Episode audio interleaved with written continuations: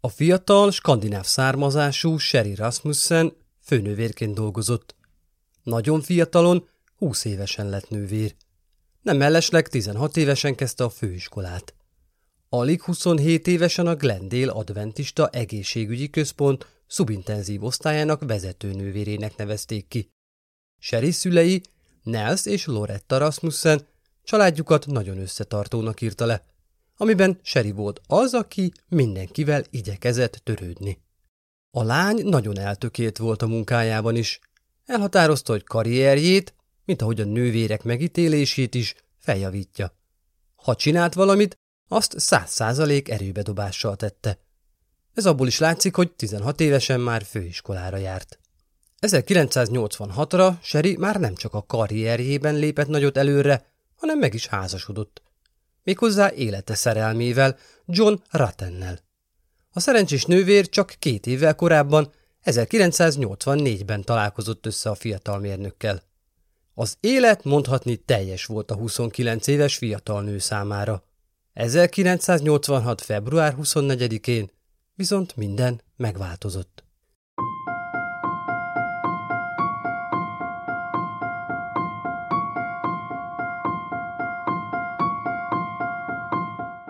Sziasztok! Szatmári Péter vagyok, és ez itt a megtörtént bűneseteket feldolgozó Bűntények Podcast. Minden epizódban igyekszem az emberi gonoszság legmélyebb bugyraiba alászálni, és elhozni nektek az élet által írt legcsavarosabb és leghátborzongatóbb történeteket. A mai epizódban az elkövetőt csak több mint 20 évvel a büntényt követően sikerült elkapni. Ráadásul olyan helyről jött, amire senki sem számított.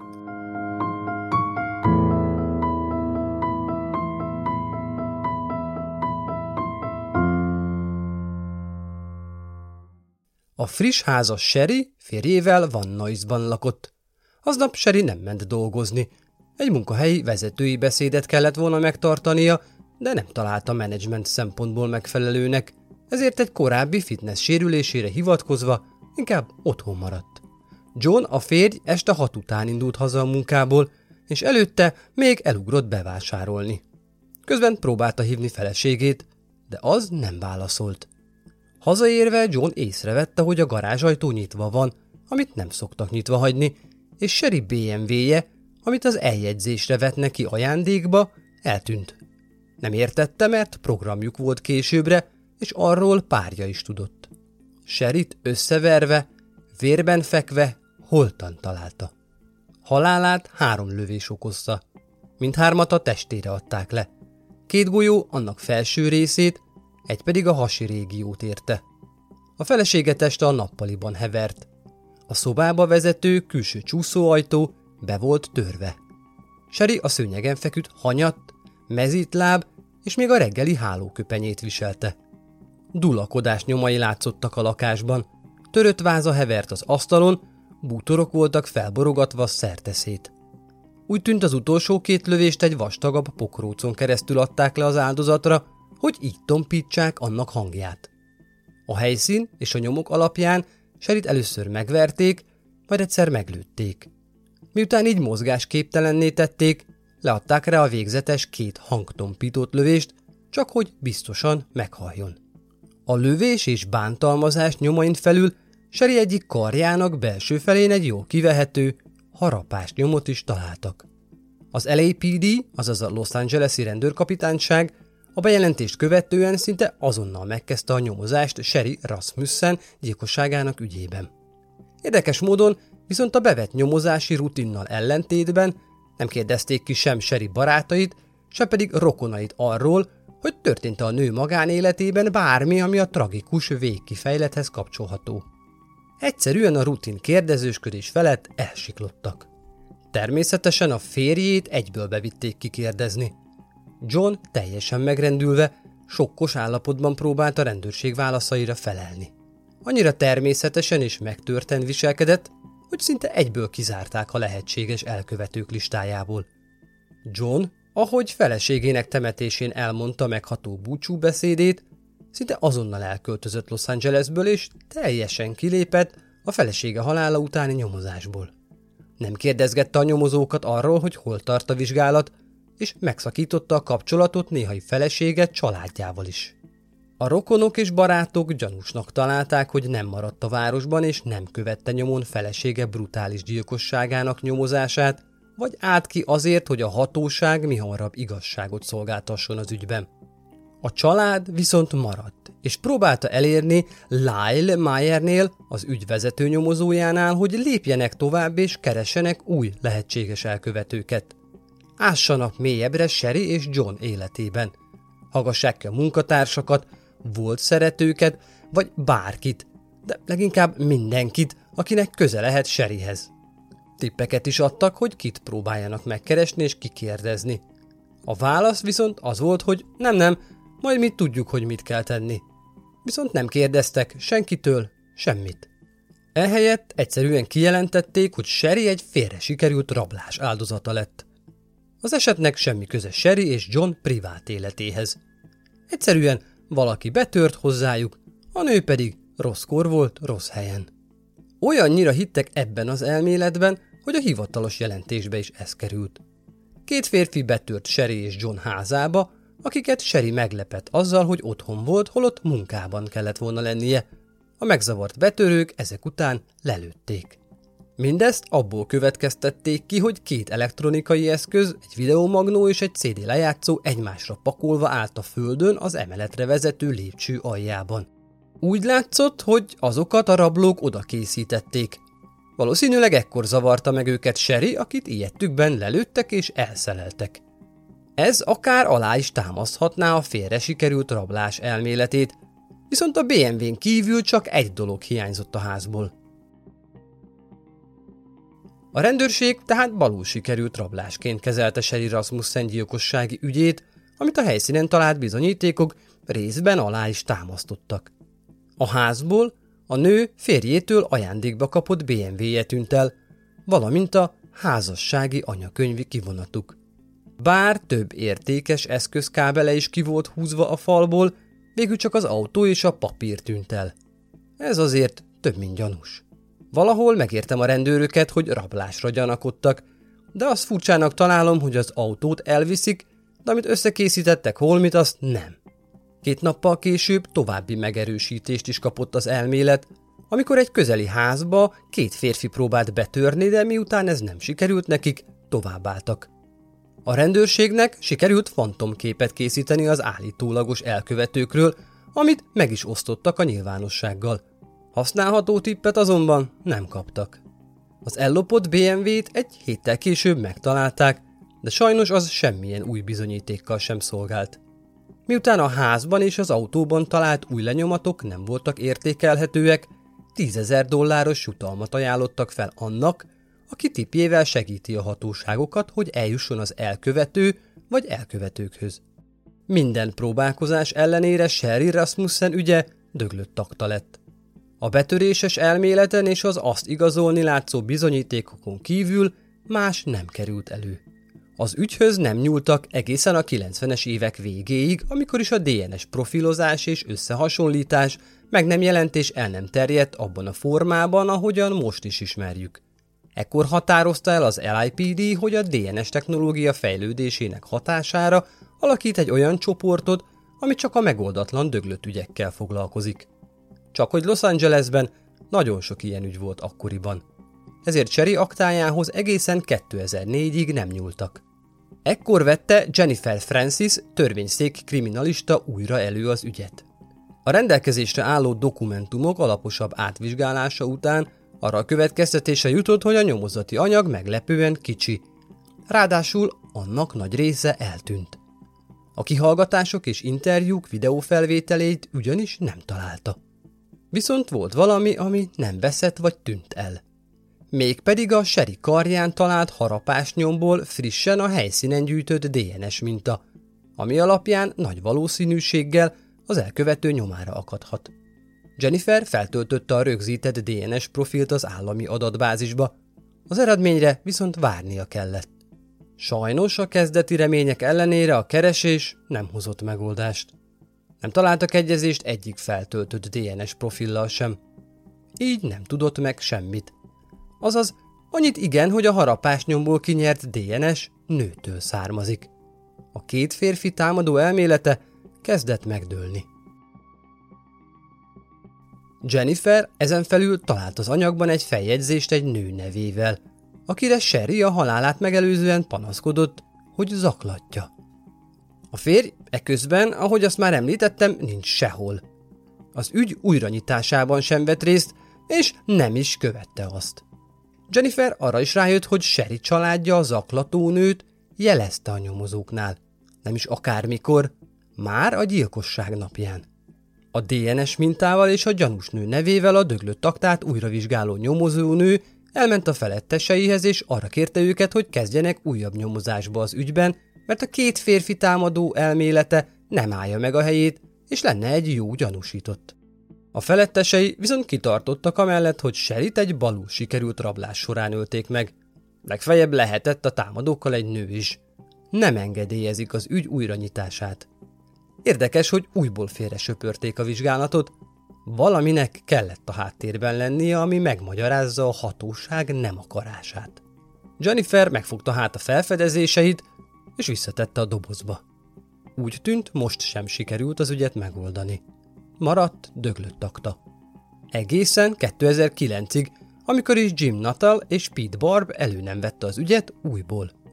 Mindkettőjük számára szinte azonnal nyilvánvalóvá vált, hogy a balul sikerült rablás teória teljesen félrement. Hisz ha így lett volna, akkor miért nem vittek el végül semmit? Arra is hamar rájöttek, Jenniferhez hasonlóan, hogy a női zaklató és a harapás nyomban talált női DNS-nek egészen biztosan köze van a gyilkossághoz. Munkához láttak hát.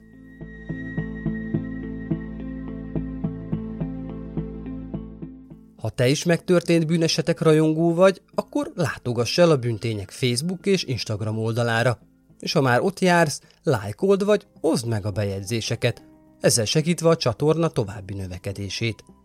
Ha még több hátborzongató vagy izgalmas esetre vágysz, akkor hallgass vissza a régebbi részeket, amiket megtalálsz a Spotify-on, iTunes-on, vagy ahol hallgatod a podcastjeidet. De most vissza a történethez.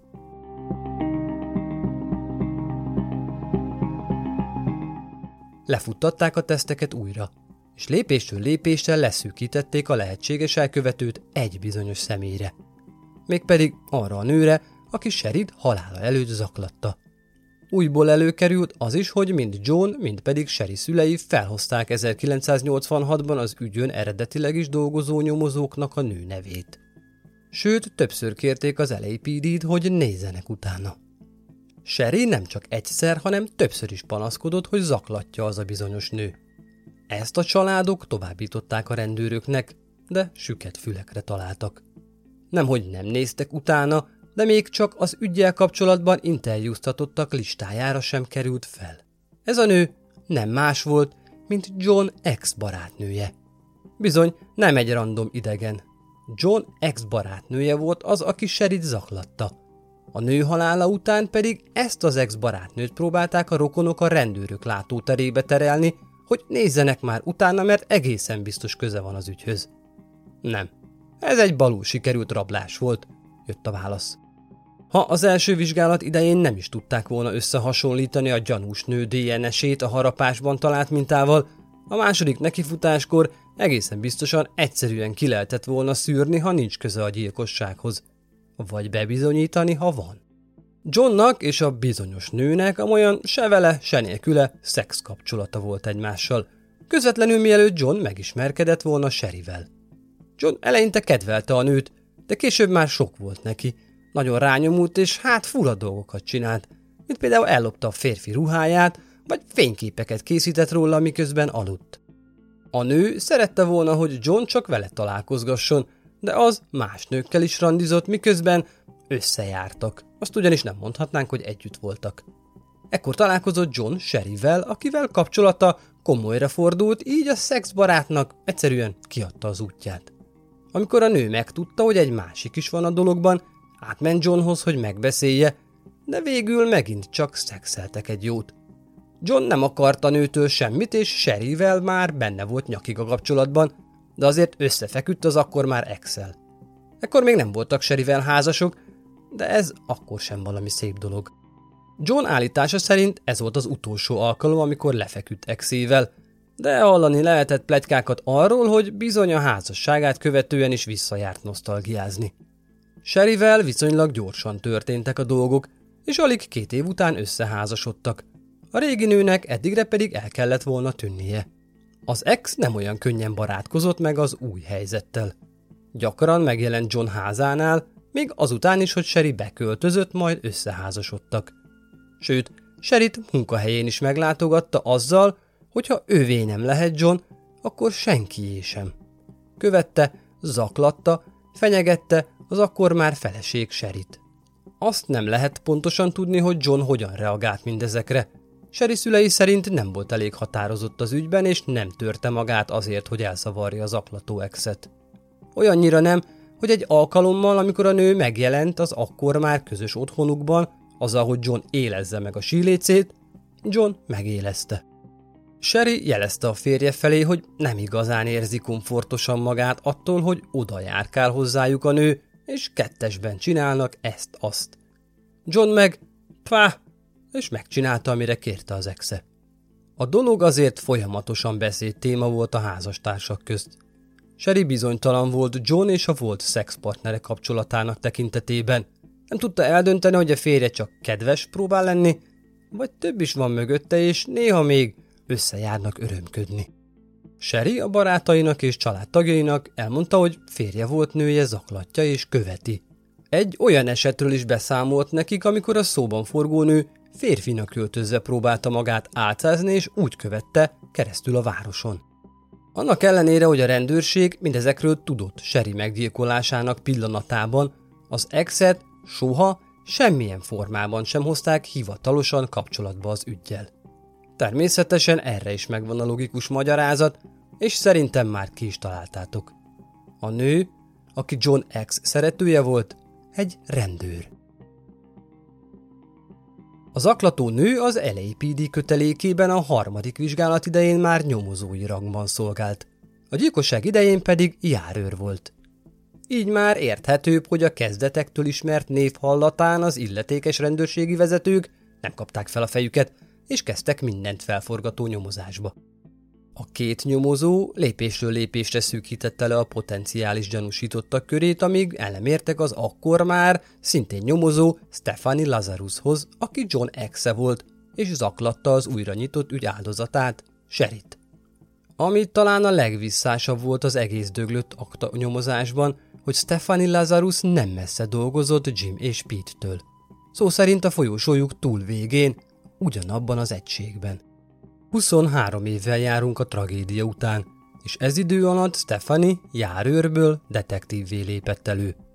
Mivel ilyen közeli munkatársról volt szó, nem igazán érezték kényelmesen magukat a nyomozók. Nem volt vicces egy rég elfeledett aktában az egyik közvetlen munkatársukra terhelő bizonyítékot találni. Nem csak, hogy bizonyítékot találtak ellene, de egy gyilkossági ügy fő gyanúsítottja vált emiatt belőle.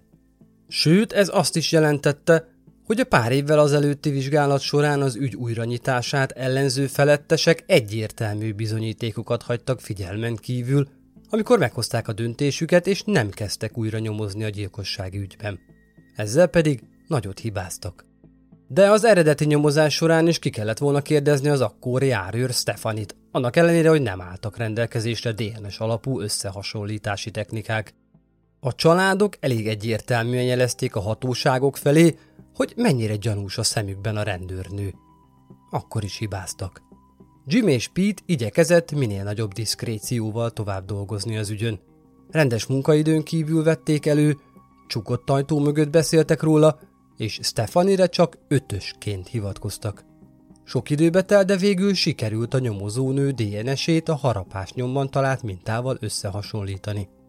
Amit filmbe illő módszerekkel szereztek meg – Mégpedig úgy, hogy követték mindenhová és várták, hogy kidobjon valamit, amin rajta van a DNS-e. El is csíptek egy üdítős poharat, aminek a szívószányáról be tudták gyűjteni a kívánt mennyiségű mintát, ami alapján összehasonlítást tudtak végezni a 86-os anyaggal. A két minta egyezett. Stefani Lazarus nyomozó minden kétséget kizáróan megharapta Sherry Rasmussen annak halálának napján, miután hónapokig követte és zaklatta. Ezt a bizonyítékot már nehéz lett volna a szőnyeg alá söpörni. Jim és Pete szép lassan kommunikálni kezdte a felfedezésüket az egységük és az LAPD vezetői felé. Tudták, hogy ebben az esetben a gyanúsított letartóztatása és kihallgatása nem lesz olyan egyszerű, hisz a személy egy maguk közül. Stefanit egy folyó kihallgatásra hivatkozva lehívták az egyik kihallgató szobájukba. Azt mondták neki, hogy egy olyan gyanúsítottat hallgatnak ki, akinek Stefani egyik ügyéhez is köze lehet. Ráadásul a kihallgatáshoz a nyomozónőnek le kellett adni a fegyverést, azt ugyanis a szabályok szerint nem vihette be a kihallgatóba. Persze nem véletlenül alakították így. Nem szerették volna, ha felfegyverkezve éri a hír Stefanit arról, hogy valójában ő a gyanúsított. A kihallgatás során Stefani megesküdött, hogy semmi köze sincs Seri halálához. Hallgassatok meg egy rövid részletet az ott elhangzott beszélgetésből. Bementek a kihallgató szobába, ahol Stefani leült. Egy olyan ügyön dolgozunk, amiben a te neved is előkerült. Ó, igen? Ismered John Ruttent? Persze direkt rosszul mondták ki a férfi nevét. Úgy érted John Rutten? Javította ki a kérdező nyomozót Stefani. Igen, igen, ismerem. Együtt jártunk a UCL-re, ott találkoztunk. Jó barátok voltatok? Igen, mondhatjuk, hogy jóban voltunk, de miért kérdezitek? Ah, van egy ügyünk, amiben John is érintett, és a nyomozás közben kiderült, hogy ismeritek egymást. Volt esetleg a barátságon kívül más is köztetek? Igazából igen, randizgattunk, de mi ez az egész? A feleségéről van szó, ismerted őt? Nem igazán. Azt tudtam, hogy megházasodott. Találkoztál esetleg a nővel? Nem tudom. Beszéltél esetleg vele valaha? N- nem, egészen biztosan nem. Oké, oké, viszont több tanú is azt állítja, hogy látott téged a nővel beszélgetni annak munkahelyén. Aha, igazából, most, hogy mondod, lehet, hogy beszélgettem vele. De csak azért, hogy figyelmeztessem, a férje még mindig tartja velem a kapcsolatot. A nyomozók tudták, hogy nem történt ilyen. Vagyis az igaz volt, hogy beszélt Serivel, de nem azért, hogy figyelmeztesse. Ezen felül már azt is tudták a kérdezők, hogy a DNS-e passzol a helyszínen találtal. Persze ezt neki akkor még nem árulták el. Stefani eddigre már egyébként maga is házasságban élt, méghozzá egy másik nyomozóval. A 23 év alatt túlélt egy pajzsmirigyrákot és örökbe fogadott egy kislányt. A kihallgatás végén Stefanit anya, feleség és nyomozóként tartóztatták le Sherry Rasmussen meggyilkolásának alapos gyanújával. Igazából már éppen el akart menni, amikor közölték vele, hogy ez most nem így lesz, mert letartóztatunk. A tárgyalását követően Stefani Lazaruszt bűnösnek találták emberülés büntettének elkövetésében. 27 évtől életfogytig terjedő letöltendő börtönbüntetés szabtak ki rá. Feltételes szabadlábra helyezésre leghamarabb 2034-ben lesz lehetősége. 2012-ben, amikor a büntetést kihirdették, már 52 éves volt. Rövid matek után könnyen kiderül, hogy leghamarabb 74 évesen szabadulhat, még ha feltételesen is. Az ártatlansága mellett végig kitartott. Ezért arra, hogy pontosan hogyan vitte véghez a büntettet, nem derült fény. A nyomozók arra következtettek, hogy eleve azzal a szándékkal ment a házhoz, hogy megöli a nőt. Valószínűleg berontott, amivel meglepte Serit, akit majd bántalmazott és lelőtt. De milyen fegyvert használt mindenhez? Valószínűleg azt a fegyverét használhatta, aminek ellopását a gyilkosság után két héttel jelentette be. Két héttel a gyilkosságot követően Stefani besétált egy idegen rendőrösre, nem oda, ahol dolgozott, és bejelentette, hogy a fegyverét ellopták. Nem, nem a szolgálati fegyverét, hanem egy másik fegyvert, amit birtokolt. Idegen rendőrőrsön, egy távoli megyében. 23 évvel később ez a fegyver már bárhol lehet, akár az óceán fenekén is. De az állítólag ellopott fegyver a ballisztikai vizsgálatok alapján lehetett az, amiből a végzetes lövéseket leadták. Összefoglalva, Stefani betört, gyilkolt, betörésnek álcázta tettét, elvitte a BMW-t, bejelentette fegyverének ellopását, majd élte tovább életét, megházasodott, gyereket nevelt. Az eredeti vizsgálatot folytató nyomozó Lyle Meyer tagadta, hogy valaha említették volna neki Stephanie nevét. Sem John, sem pedig Sherry családja nem szólt neki a nyomozónő és az áldozat közötti kapcsolatról. A bizonyítékok, amik eltűntek az aktából, pedig pont az ezen családtagok kihallgatásáról készült felvételek voltak. Állítólag ezeken a felvételeken említették Stephanie nevét többször is. Úgy tűnik, többen is részt vehettek az ügy eltussolásában. Persze az érintettek mindent tagadtak, és bizonyítékok hiányában nem is történt ezzel kapcsolatban vádemelés. Csak John és Sherry családtagjai elmondása alapján lehet tudni, hogy talán több is meghúzódott az elkapkodott nyomozás hátterében. Stephanie a mai napig kitart ártatlansága mellett.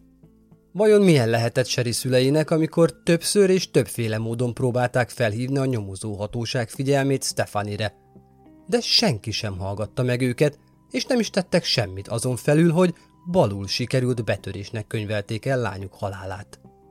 Vagy amikor a végén kiderült, hogy bizonyíték van arra, hogy Stefani volt a tettes, és az érintett emberek a rendőrségnél azt állították, hogy még sose hallottak Stefaniról, vagyis arról, hogy valaki az ügyjel kapcsolatba hozta volna. John Ratten időközben újra házasodott és tovább tartotta a távolságot. Semmilyen formában sem folyt bele az új nyomozásba. Akkor sem, amikor kiderült, hogy a tettes a volt barátnője. Azt gondolom, hogy jó eséllyel tudhatott az egészről, és azért tartotta magát távol már a kezdetektől. Nem hiszem, hogy Stefani, a hős szerelmes nő, nem hívta fel az esetet követően. Ha egyébként pedig rendszeresen beszéltek egymással. És még ki tudja, mi volt köztük rendszeres.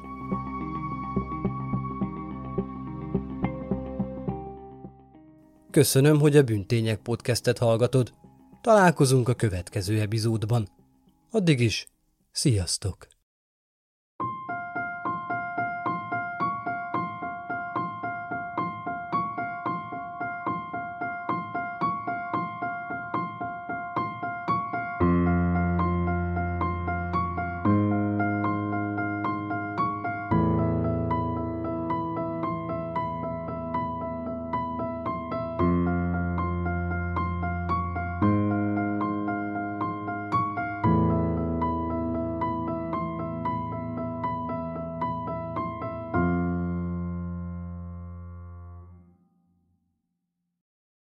Ha más podcastekre is kíváncsi vagy, hallgassd meg a Béton műsor ajánlóját. El tudod képzelni, hogy a podcastet, amit éppen most hallgattál, fél év múlva már a mesterséges intelligencia generálja? Mi sem. De ha érdekel, eljött már a gépek lázadása. Hallgass bele az Embertelen podcastbe. Orsós Lajos vagyok, a műsor házigazdája. Egyelőre még élőben. Egyelőre. Fedezzük fel együtt, hogyan ismerkedik, randizik, mesél és vitatkozik Betty és Péter, két teljesen mesterséges intelligencia. Lajos, a podcast címét mond még egyszer, Léci. Oké. Okay. Embertelen podcast. Ez a műsor a Béton közösség tagja.